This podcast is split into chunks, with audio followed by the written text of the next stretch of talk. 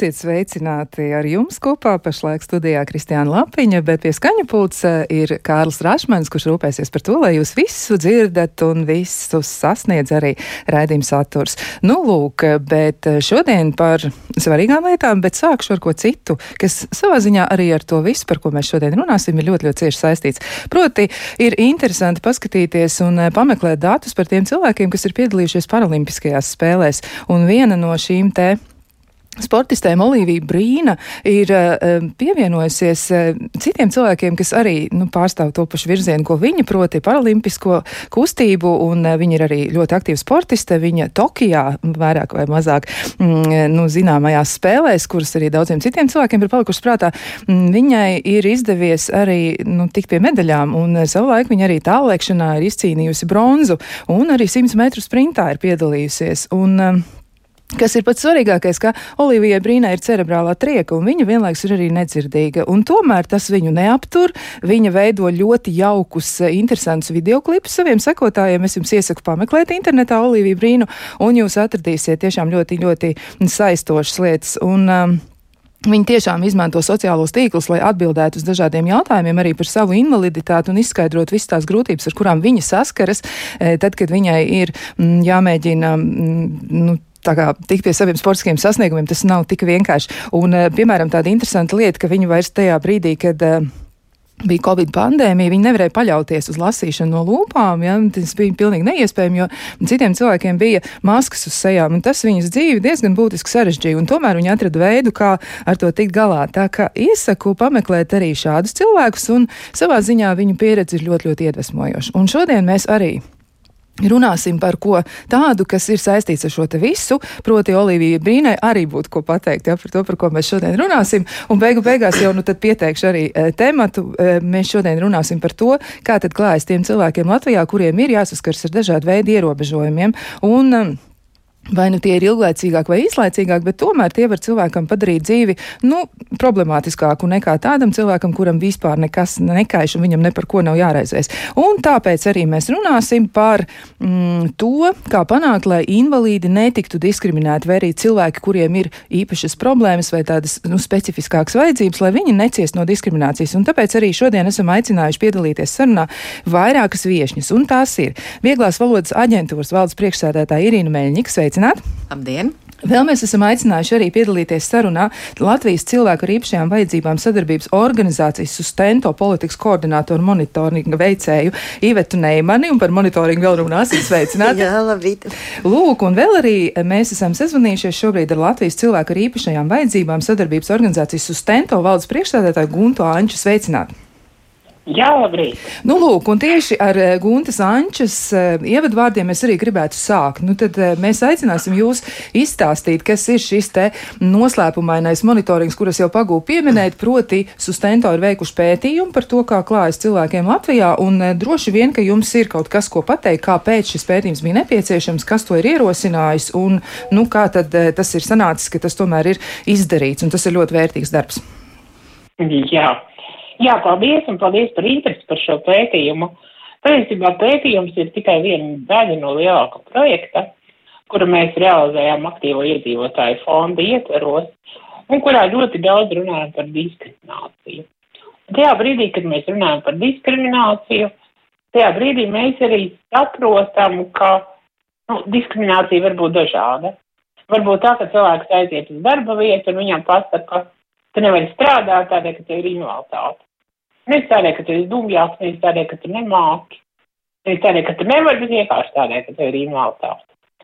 Savukārt diskriminācija, jeb kaut kāda savādāka attieksme, kā mēs to varētu teikt, parādās arī biežāk vai varbūt netik bieži arī žurnalistikā, un tādēļ mēs vēlējāmies papētīt, kas ar šo jautājumu notiek tieši interneta vidē. Tādēļ mēs izvēlējāmies vairākus sociālos tīklus, tostarp arī Facebook, Twitter, bet arī vairākus šos te internetu portālus, kuros tad mēs mēģinājām novērtēt, kā redzam cilvēkus ar invaliditāti, ko domājam par cilvēkiem ar invaliditāti, kādi ir komentāri, kādas ir tā sabiedrības attieksme pozitīva, varbūt pārāk pozitīva, negatīva un tā tālāk. Un tādējādi arī veicam šo monitoringu. Jā, un eh, ko tad ir izdevies noskaidrot? Varbūt jūs arī varat nedaudz jau to iezīmēt, un tad es pēc tam jau jautāju tālāk pāradresēšu arī Ivetē Nēmenē, viņa izstāstīs sīkāk detaļas, bet kas ir tas, kas ir tas pirmais, kas ir iekritis acīs, ko jūs esat pamanījuši, jo droši vien jums ir savi secinājumi, mm, par kuriem jūs jau uzreiz varat izteikties? Nu, droši vien, ka secinājumi diezgan daudz, un par tiem noteikti Ivet varēs vairāk pastāstīt. Bet kopējais secinājums, ka, nu, protams, aizvien. vien nu, mēs nevaram runāt par vienlīdzību. Lai kā mums gribētu teikt, ka Latvija ir tā valsts, kurā ir vienlīdzīga attieksme, kurā mēs nešķirojam, vai cilvēks ir invaliditāte, vai tas ir cilvēks no citas reliģijas grupas un tā tālāk. Diemžēl tā nav, un diemžēl arī, kas ir vēl ļoti būtiski invaliditāte, tā ir, ir viegli redzama lieta. Un arī tāpēc mēs bieži varam runāt par to, kā nu, klasiski sākanais, kad ir no cepures. Tādu šo cepuru ļoti viegli var redzēt un redzēt, ka viņa ir atšķirīga. Un tieši tādēļ arī bieži šī te attieksme pret invaliditāti ir tāda vieglāk pamanāma un saprotama. Nu. Jā, paldies eh, par tādu kopsavilkumu arī vēl pirms eh, sīkākas datu izklāstīšanas. Tiešām ir tā, ka, jā, nu, pēc tā, ko jūs sakāt, nu, tomēr nu, jādomā, ka nav viss labi un nav, nav viss kārtībā. Un tad noteikti ir daudz, kas vēl jādara. Nu, tad varbūt arī mēs varam pāriet pie datiem, un tad es šajā mirklī došu vārdu Īvetai Nemanai, kas arī ir nu, tas cilvēks, kurš arī to lielo darbu daļu ir darījis. Ja, šeit ar kolēģiem, bet nu, tad jūs varat noteikti stāstīt par to, ko jums ir izdevies kopā visiem paveikt. Jā, protams, ar kolēģiem. Pirmkārt, gribu uzsvērt, ka noteikti tas nav mans viens darbs, tas ir kopā ar kolēģiem. Un šis monitorings mums ilga divus gadus.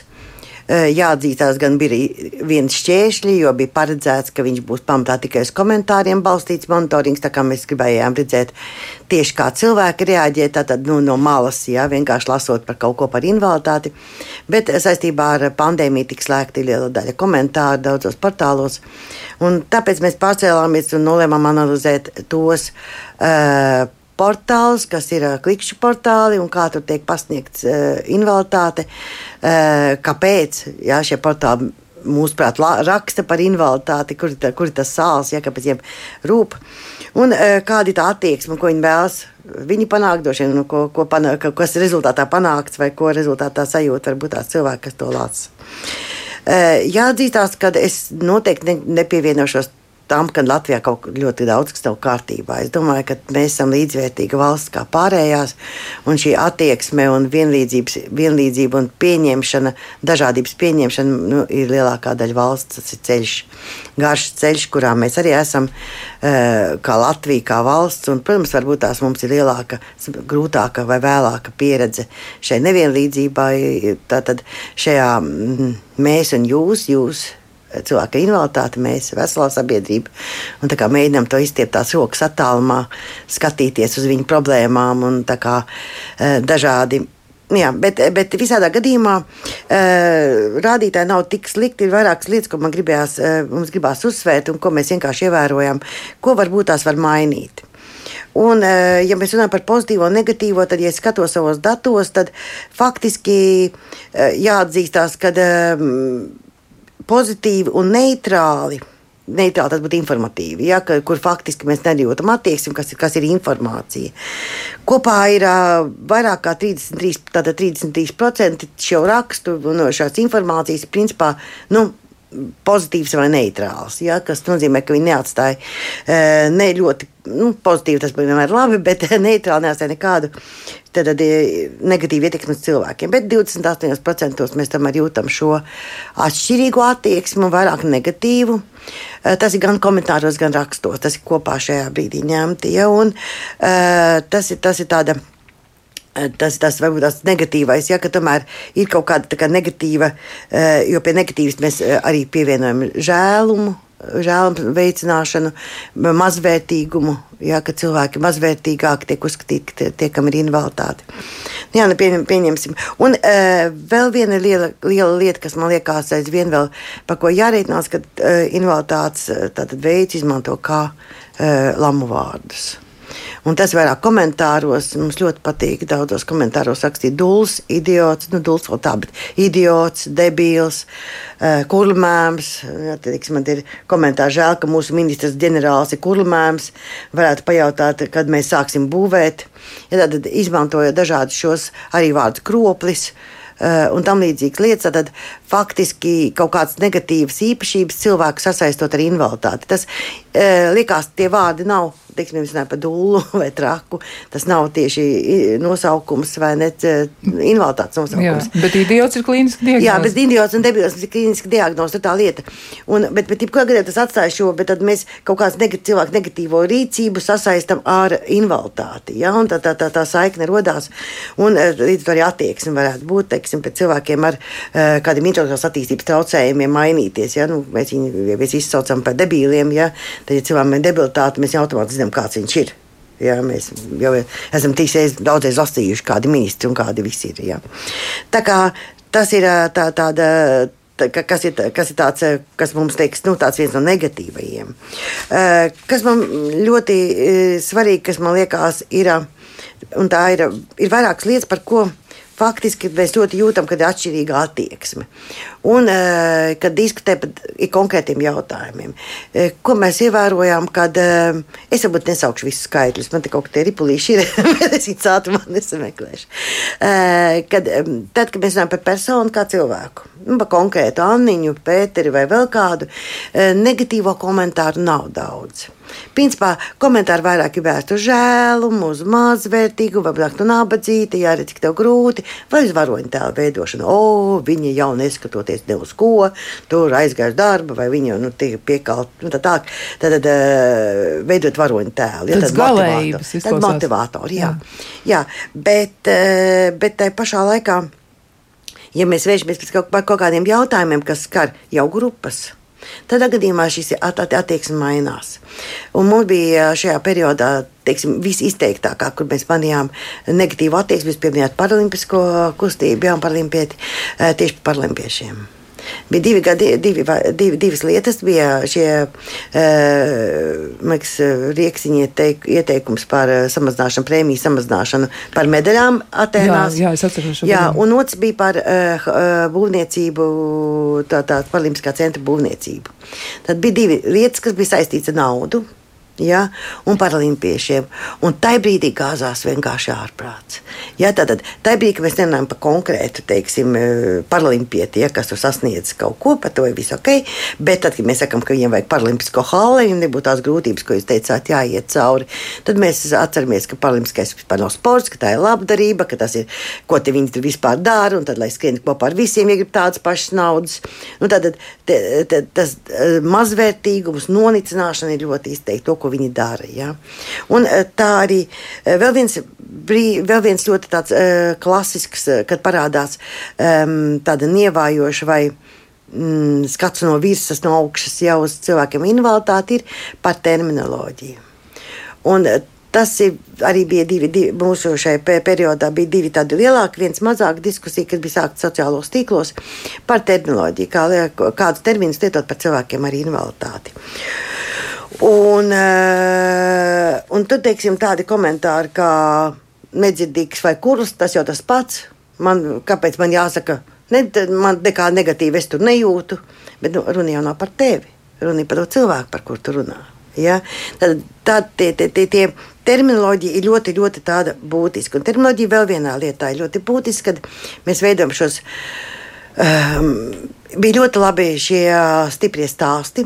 Bija tāds cikls, ja, un uh, ir arī stāsti, tas jā, par stipriem stāstiem var būt tās, kur faktiski viņi ļoti, ļoti labi tie stāsti. Un ļoti pozitīvi un cilvēki ļoti daudz pašstāsta, bet ne tikai paši atšķirībā no uh, dzīvē nav melnraksta, kur cilvēks pats stāsta un stāsta to, ko vēlas. Tomēr stipros stāstos tas ir pārveidojis žurnālistiski jau tas stāsts. Ja? Un tur parādās mums ik pa brīdim, nu, savā bieži parādās termini piekalts pie ratiem ja, piekalts pie gultas, uh, visu laiku atkarīgs. Ja, un, un tas ir tādas hiperbolizēšanas. Ja, kas faktiski um, man noteikti Gunta neļaus samelot, ka mēs nevaram runāt par invaliditāti kā par kronisku nelaimi. tā nav kroniska nelēma, tā ir cilvēka dzīve. Un viņa tā kā jebkuram. Brīžam laba, brīžam nevisai laba, un vienkārši tā dzīve savādāka. Ja? Un, un, un, un tas, tas, tas, tas tāds, tas, un tad arī, jā, un tad šie, šī hiperbolizēšana arī viens no tādiem, kas atstāja iespaidu, jo, protams, kad mēs rakstam par kaut kādām ziedojuma akcijām, mēs saprotam, ka, tiek izmantoti šie maksimāli smagie vārdi un tā tālāk, lai cilvēks veicinātu šo dziedošanu. Bet tas atstāja arī iespēju uz pārējiem, jo izsaucot žēlumu, teiksim, pret Ansīti, ja, mēs beigās ieraugam līdzīgu rietiņu un arī viņu sākam žēlot. Ja, un tā kā īstenībā negrib, lai viņi žēlo. Un tas, tā, tā, tā, tā, tā, tas, tas, tas, tas, ka teiksim, mēdīja ietekmē šo attieksmi, sabiedrības attieksmi pret īpaši redzamām invaliditātēm. Uh, Jāatzīst, ka ļoti interesanti, kad par uh, lombardiem runājot, ka viens no populārākajiem lombardiem ir kurlmēms. Ja?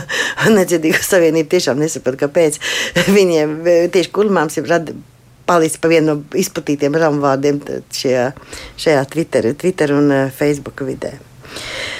Jā, nu, es vēl varu daudz pasakāt, bet es došu vēl kādam vārdu. jā, vēl kādam mēs dosim tomēr vārdu. Un e, šajā meklī arī gribētu iesaistīt sarunā Irīnu Meņiku un apjautāties par to, nu, arī ja, vārdu lietojums. Un jūs arī pārstāvat vieglās valodas aģentūru, kas dara visu, lai padarītu saturu vai tekstu pieejamāku cilvēkiem, kuriem ir nu, tieši uztvers traucējumi, kuriem ir specifiska uztvere. Jā. Par traucējumiem arī mēs varam diskutēt, vai šo vārdu vispār mēs varam izmantot un vai tas vienmēr ir iederīgs.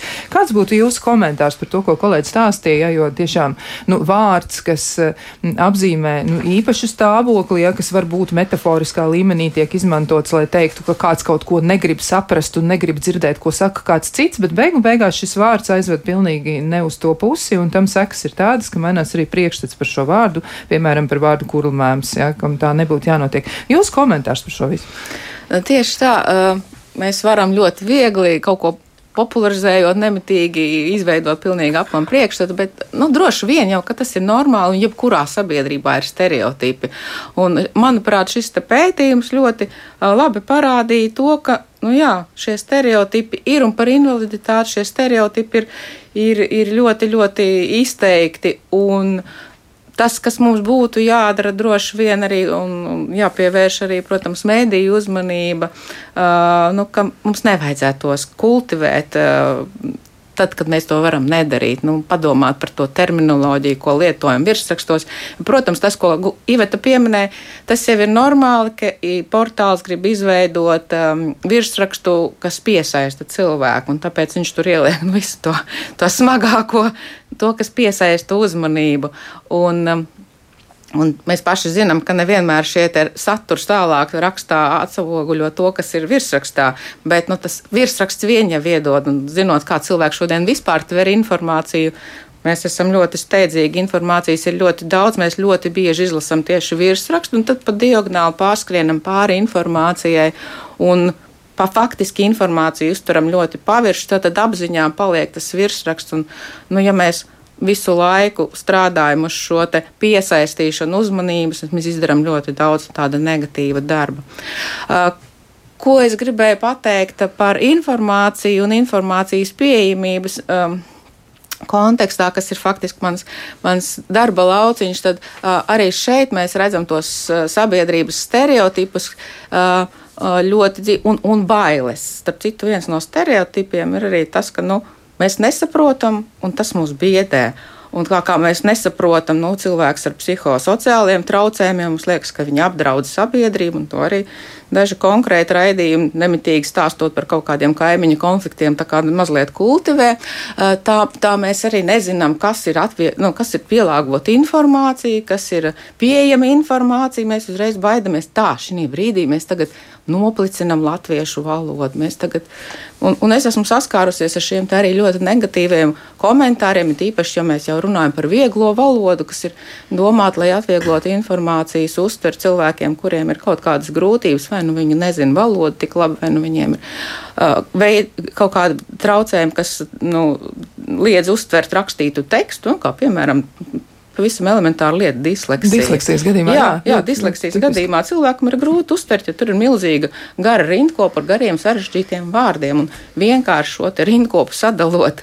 Uh, īsākos teikumos, īsākā rindkopā, izņemot ārā sarežģītākos vārdus, aizstājot ar kaut ko pavisam vienkāršu, mēs izveidojam tekstu, kas ir daudz pieejamāks, daudz labāks. Un šī brīdī mēs neko sliktu valodai nenodarām. Faktiski man liekas, mēs daudz sliktāk valodai nodarām, kad mēs viņu piesārņojam ar šiem anglicismiem, ar šiem birokrātiskajiem terminiem. Reizēm paklausoties ziņas, kur ir narratīvi un, un, un daudzi citi svešvārdi protagonisti. Uh, tur jebkuram cilvēkam ir jāpadomā, kas tad patiesībā ir šīs te, uh, ziņas saturs. Un mēs runājam par pieejamu informāciju, kas ir cilvēkiem viegli uztverama, tad mums nekādā gadījumā nevajadzētu šo te, uh, lieko sarežģīšanu uzskatīt, ka, nu, ka tā ir tā, tā valoda, kurā mums visiem būtu jārunā.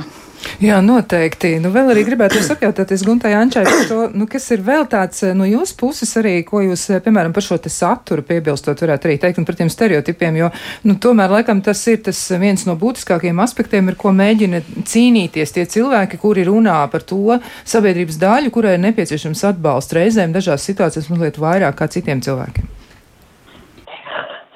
Nu, jebkurā gadījumā, jā, es domāju, ka sabiedrībā aizvien vēl valda stereotipi. Ļoti daudz šo stereotipu ir tieši par cilvēkiem ar invaliditāti. Un tie stereotipi ir ļoti daudz un ļoti dažādi viens droši vien. Un katrs var teikt, jā, protams, tā ir arī taisnība, tomēr. Viens no tādiem mēs sakām, ka visi cilvēki ar invaliditāti ir ļoti nabadzīgi. Un tad vienmēr ir jautājums, vai tiešām visi, vai tiešām tas nozīmē, ka tajā brīdī, kad tu ieraugi cilvēku ar invaliditāti, tev obligāti jāiet viņam klāt un jāiedod naudiņu, jo viņš taču ir nabadzīgs. Ņemot vērā, ka es pats esmu ratiņkrāsā, tad es šādu situāciju esmu arī reāli sevi piedzīvojusi, ka vienkārši cilvēki nāk klāt un dod naudu ielas vidū un tu nezini, kā uz to reaģēt.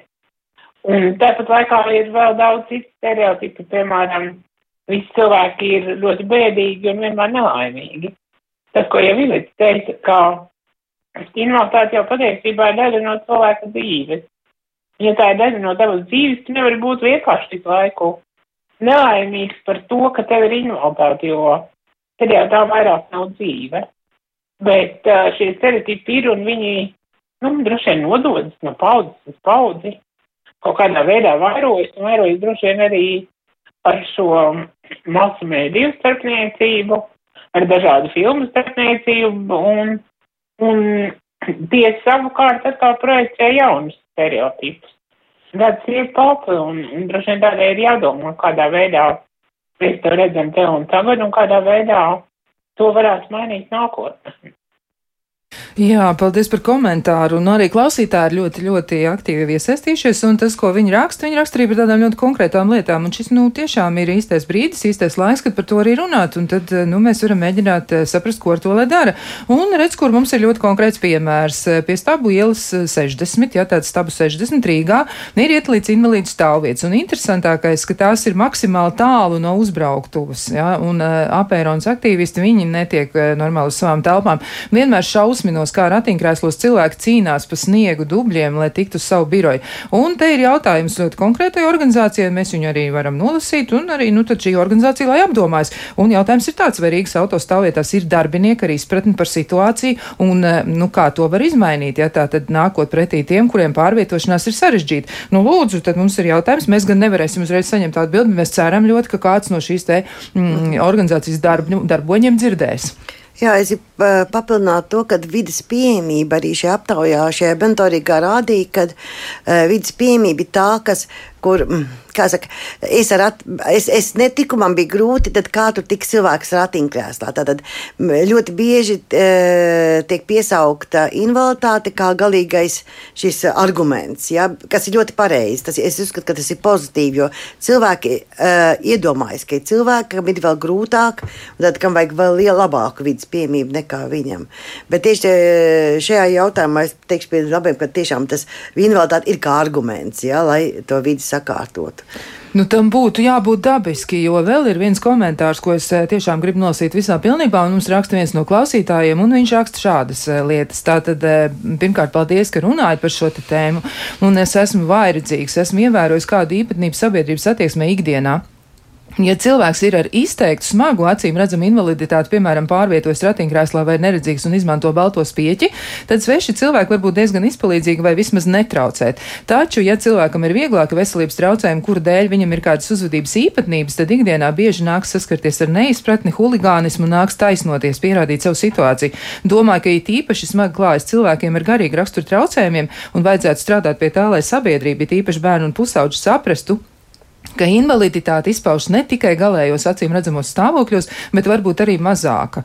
Un e, izsmieklis emocionāli sāp tikpat daudz, neatkarīgi no tā, vai cilvēks pārvietojas ratiņkrēslā vai arī tikai viegli klibo. Nu, ļoti, ļoti labs komentārs, tiešām ļoti izvērsts un, manuprāt, precīzi atspoguļo to izjūtu, kāda varētu būt cilvēkiem. Paldies klausītājiem par šo Jā. komentāru. Jā, paldies tiešām. Jā, nu, arī varbūt e, viešņām studijā ir kas piebilstams tieši par šo, nu, piemēram, šīs te atšķirības. Jūs jau tās arī pamanījāt monitoringu veicot. Jā, protams, eh, protams, ja mēs skatāmies par attieksmi, tad vienmēr pret cilvēkiem ar smagāku invaliditāti eh, varbūt viņa ir um, vairāk balstīta uz žēlumu, vairāk balstīta uz uh, sapratni, nu tādu, ka grūti, ja tādā nozīmē.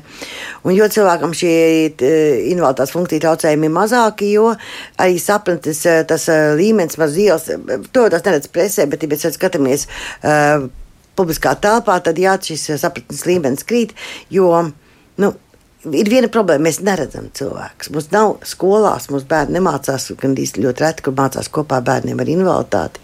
Mēs maz runājam par to jautājumiem. Nu, tad cilvēki, mēs nevaram katru katram cilvēkam pie kāda, kāda cilvēka invaliditāte, lai viņš saprastu invaliditāti. Un tur, es domāju, ir ļoti svarīgs lauciņš mūsu mākslā. Tagad man tiešām liekas ļoti labi, ka uh, ar kultūras kapitāla fonda atbalstu ir no, no, no vairāk šie uh, mākslas uh, pasākumi, gan teātris, gan filma, gan, gan izstādes, ja, kurā tieši tiek uzsvērts šī in, gan iespēja iekļauties cilvēkiem ar invaliditāti, gan vispār par invaliditātes tēmu.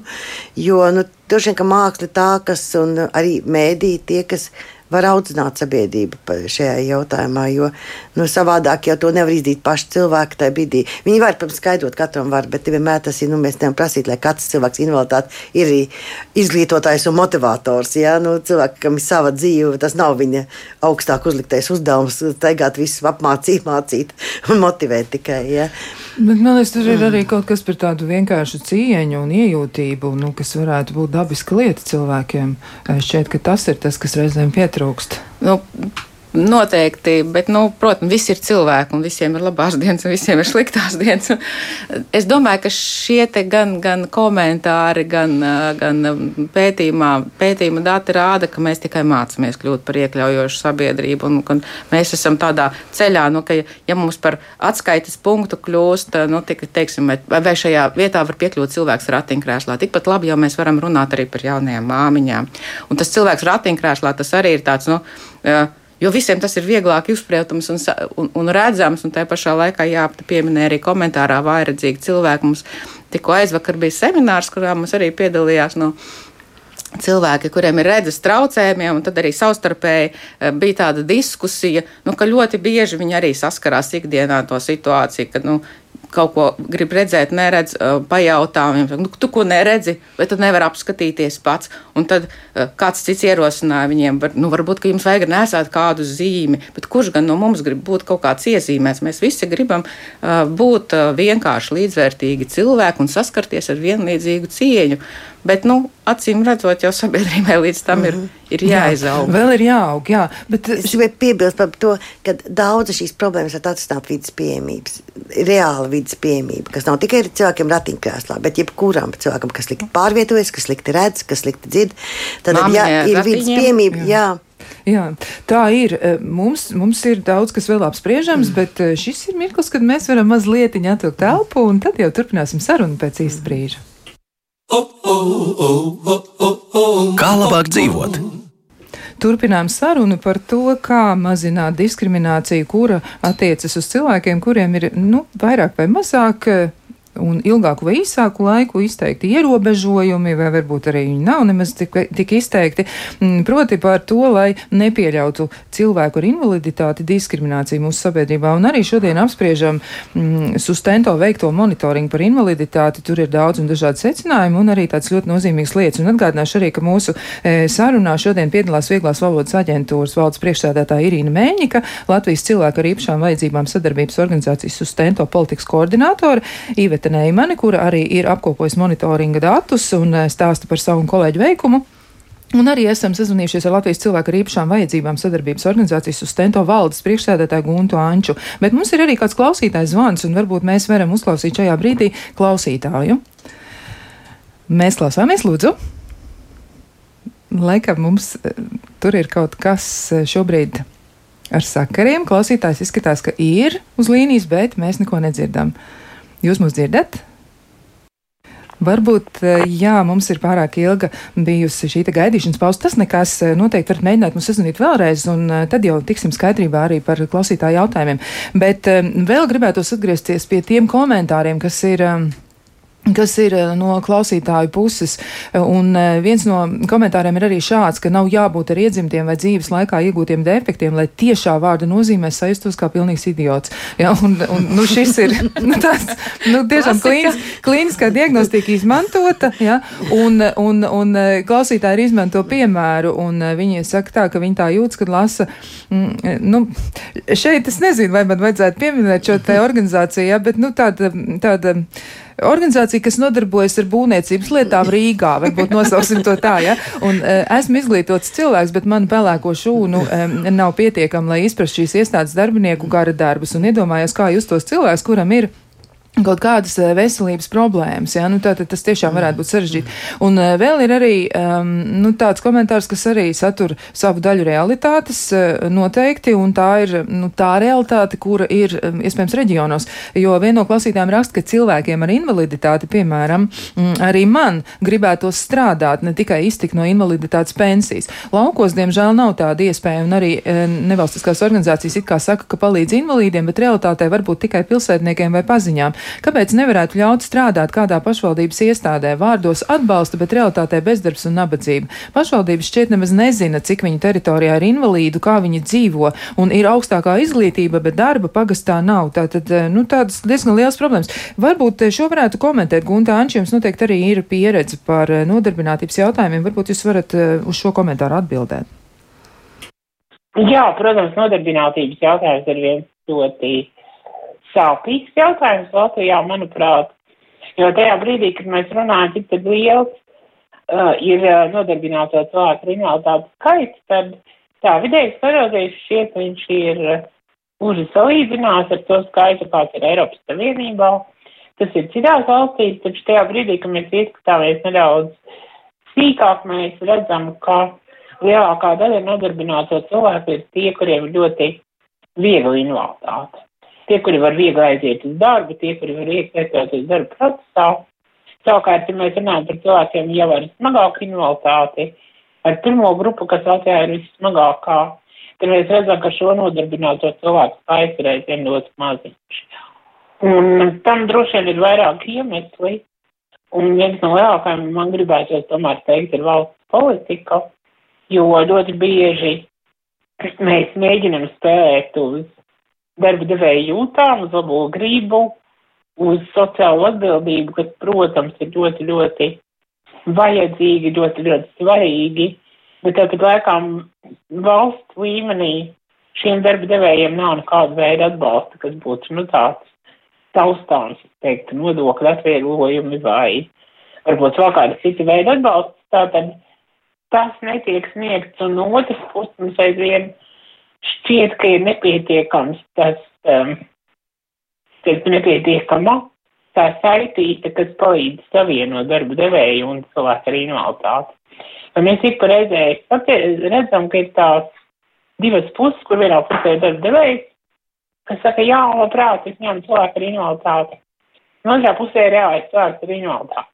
Un tad pa vidu ienāk tie jautājumi, par kuriem mēs jau runājam, kas, piemēram, stereotipi, Jo katru reizi, kad darba devējs saka, jā, es ņemu darbā cilvēku invaliditāti, un tad viņi parunā, tad redz, ok, tas, ko šīs darba devējs ir devēs ņemt, ir jauns puisis ratiņkrēslā, kas pats ar visu super tiek galā, kam nav nekādu problēmu.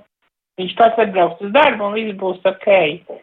Ļoti reti tas uh, tēls, ko zīmē darba devējs, sakrīt ar to tēlu, ko viņš ierauga realitātē, jo nav daudz tādu skaisto, stipro, vareno, kurus gaida darba devēja, bet ļoti bieži cilvēki ar tipveidu invaliditāti. Tur varbūt nav tik neatkarīgi, kuri varbūt nav tik stipri, un kuri varbūt var darīt šo darbu ļoti, ļoti labi. Un arī tas ir ļoti lielā mērā attieksmes jautājums. Bet, protams, piekrītot klausītājiem tam, ko viņi teica, atrast darbu, atrast darbu, jo īpaši kaut kur lauku reģionā, kur jau tā darba vieta nav ļoti daudz, ir diezgan sarežģīti, un tas, ko vienīgi es iesaku, var domāt par attālinātā darba iespējām, jo, ja rakstīja e-pastu, tad noteikti var strādāt arī pie datora, un tas ir variants, kā risināt šo jautājumu. Tad es vienmēr saku, ka attālinātais darbs ir slikts darbs cilvēkam ar invaliditāti, jo, ja tā visu dienu esi mājās, ja tev ir vēl darbs mājās, tad jau vispār nesanāk cilvēkos iziet. Tas gan, jā, būtu jādomā par to līdzsvaru noteikti, bet klausītāji tiešām ir taisnība, tā ir eh, ļoti nozīmīga problēma, un arī jūsu komentārs ļauj to labāk saprast.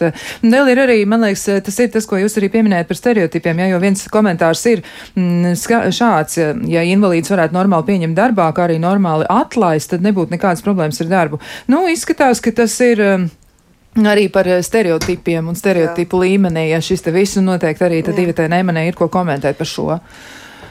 Jā, man liekas, ka uh, mēs esam aizgājuši nedaudz no mūsu monitoringa, bet es gribu teikt, ka šobrīd cilvēku var atlaist. Mēs esam veikuši, ir panākti, ka ir grozījumi darba likumā, un šobrīd cilvēku var atlaist no darba, principā tāpat kā jebkuru cilvēku. Un atgādāt, ka mēs esam šobrīd vienīgā valsts Eiropā, kurā darba likuma līmenī netiek atbalstīti cilvēki ar invaliditāti, kurā mēs faktiski cilvēku invaliditāti no pilnīgi vienlīdzīgā līmenī ar visiem, jebkuriem. Tātad cilvēks uh, ar smagiem kustību traucējumiem, vai nedzirdīgs, vai neredzīgs, tieši tāpat kā spēcīgs jauns vīrietis.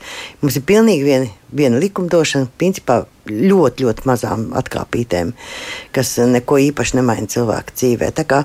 Es nezinu, vai par to bija jācīnās, vai tas bija tas pareizais ceļš, bet e, man ļoti es arī gribu uzsvērt to, ko Gunta teica, ka tam atbalstam ir jābūt. Un cilvēku invaliditāti mēs nevaram teikt, ka ir atvērtais darba tirgus un cilvēks ir vienlīdzīgs.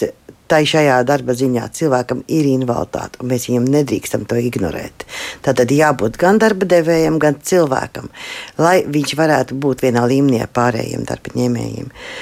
Un tā ir valsts politika, un kaut kā mums tur, tur īsti ātras priekšstats neiet. Es ceru, ka varbūt tagad ir kaut kāda jauna izmaiņas, bet Jā, nu arī klausītāji saka līdzīgas lietas, ja viņi joprojām mm, uzsver mm, to, ko arī viena no citām klausītājiem komentē, tas komentārs, ko mēs nu pat apspriedām, un vēl kāda klausītāja raksta, jā, viņi piekrīt klausītāji, ka laukos cilvēkiem ar invaliditāti ir ļoti grūti atrast darbu. Dienvidu kurzemes novadā pēc reģionālās reformas tālu lauku ciemos nenotiek vispār vairs nekas.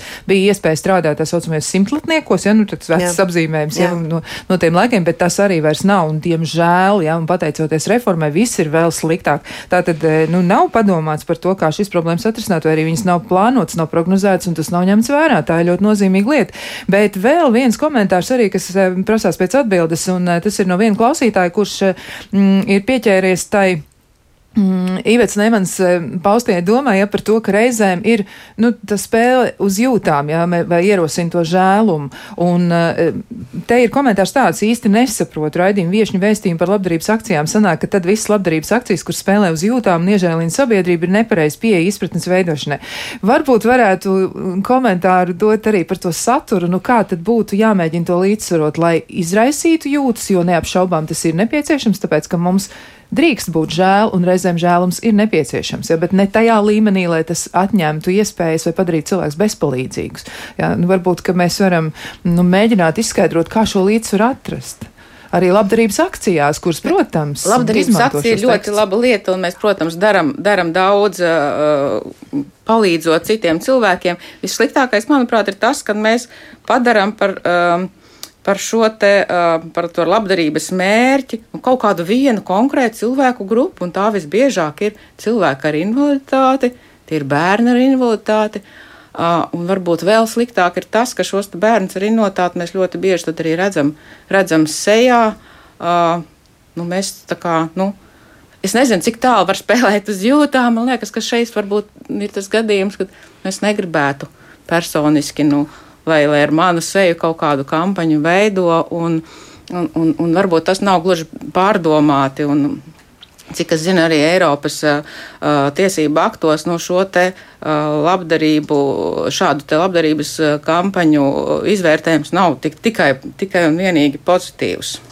Īpati zinās labāk to. Jā, jā, šobrīd Uh, es gribu teikt, ka mums arī ir uh, šīs ANO rekomendācijas, ANO komitejas rekomendācijas, kurā ir aicināts neizmantot bērnus, kā uh, šos um, bērnus nereklamēt kā žēluma objektus, ja, tad, uz ko vāc ziedojums.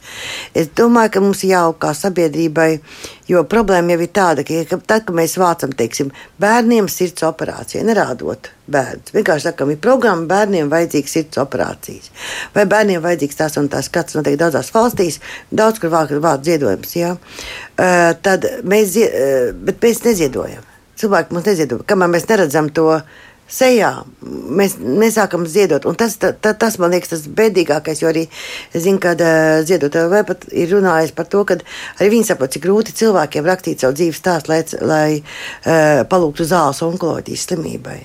Ja kam jāpārkāp cilvēkam pāri, lai viņš tā, to, to ziedojumu palūgtu. Uh, tur šeit godīgāk būtu vākt uh, onkoloģijas slimniekiem kā tādiem kopā. Ja, un tad jau saņemt tas, ka ne, ne, neizjūt cauri šim procesam, kad es privāti, jau atklāti lūdzu palīdzību. Bet uh, es, es, mēs nevienu brīdi nenoliecinām labdarības akcijas, jo viņas ir vajadzīgas, un tas notiek tiešām visās pasaulē. Un arī tas, ka ziedo. Īpaši, man liekas, teiksim, dot pieci, tad klasika, kad viņi ziedo problēmai un cilvēki ziedo. Tagad tas ir nākošais, droši vien, kam jāiet, un, bet bērnus, jā, bērni tā ir tā tā, tā grupa, kura nevar pati piekrist vai nepiekrist. Un šobrīd jau tās ir gan palikuši vairāk tā maliņā. Sākumā jūs atceraties, mums bija ļoti, ļoti smagas reklāmas par to, kā aiņa staigās.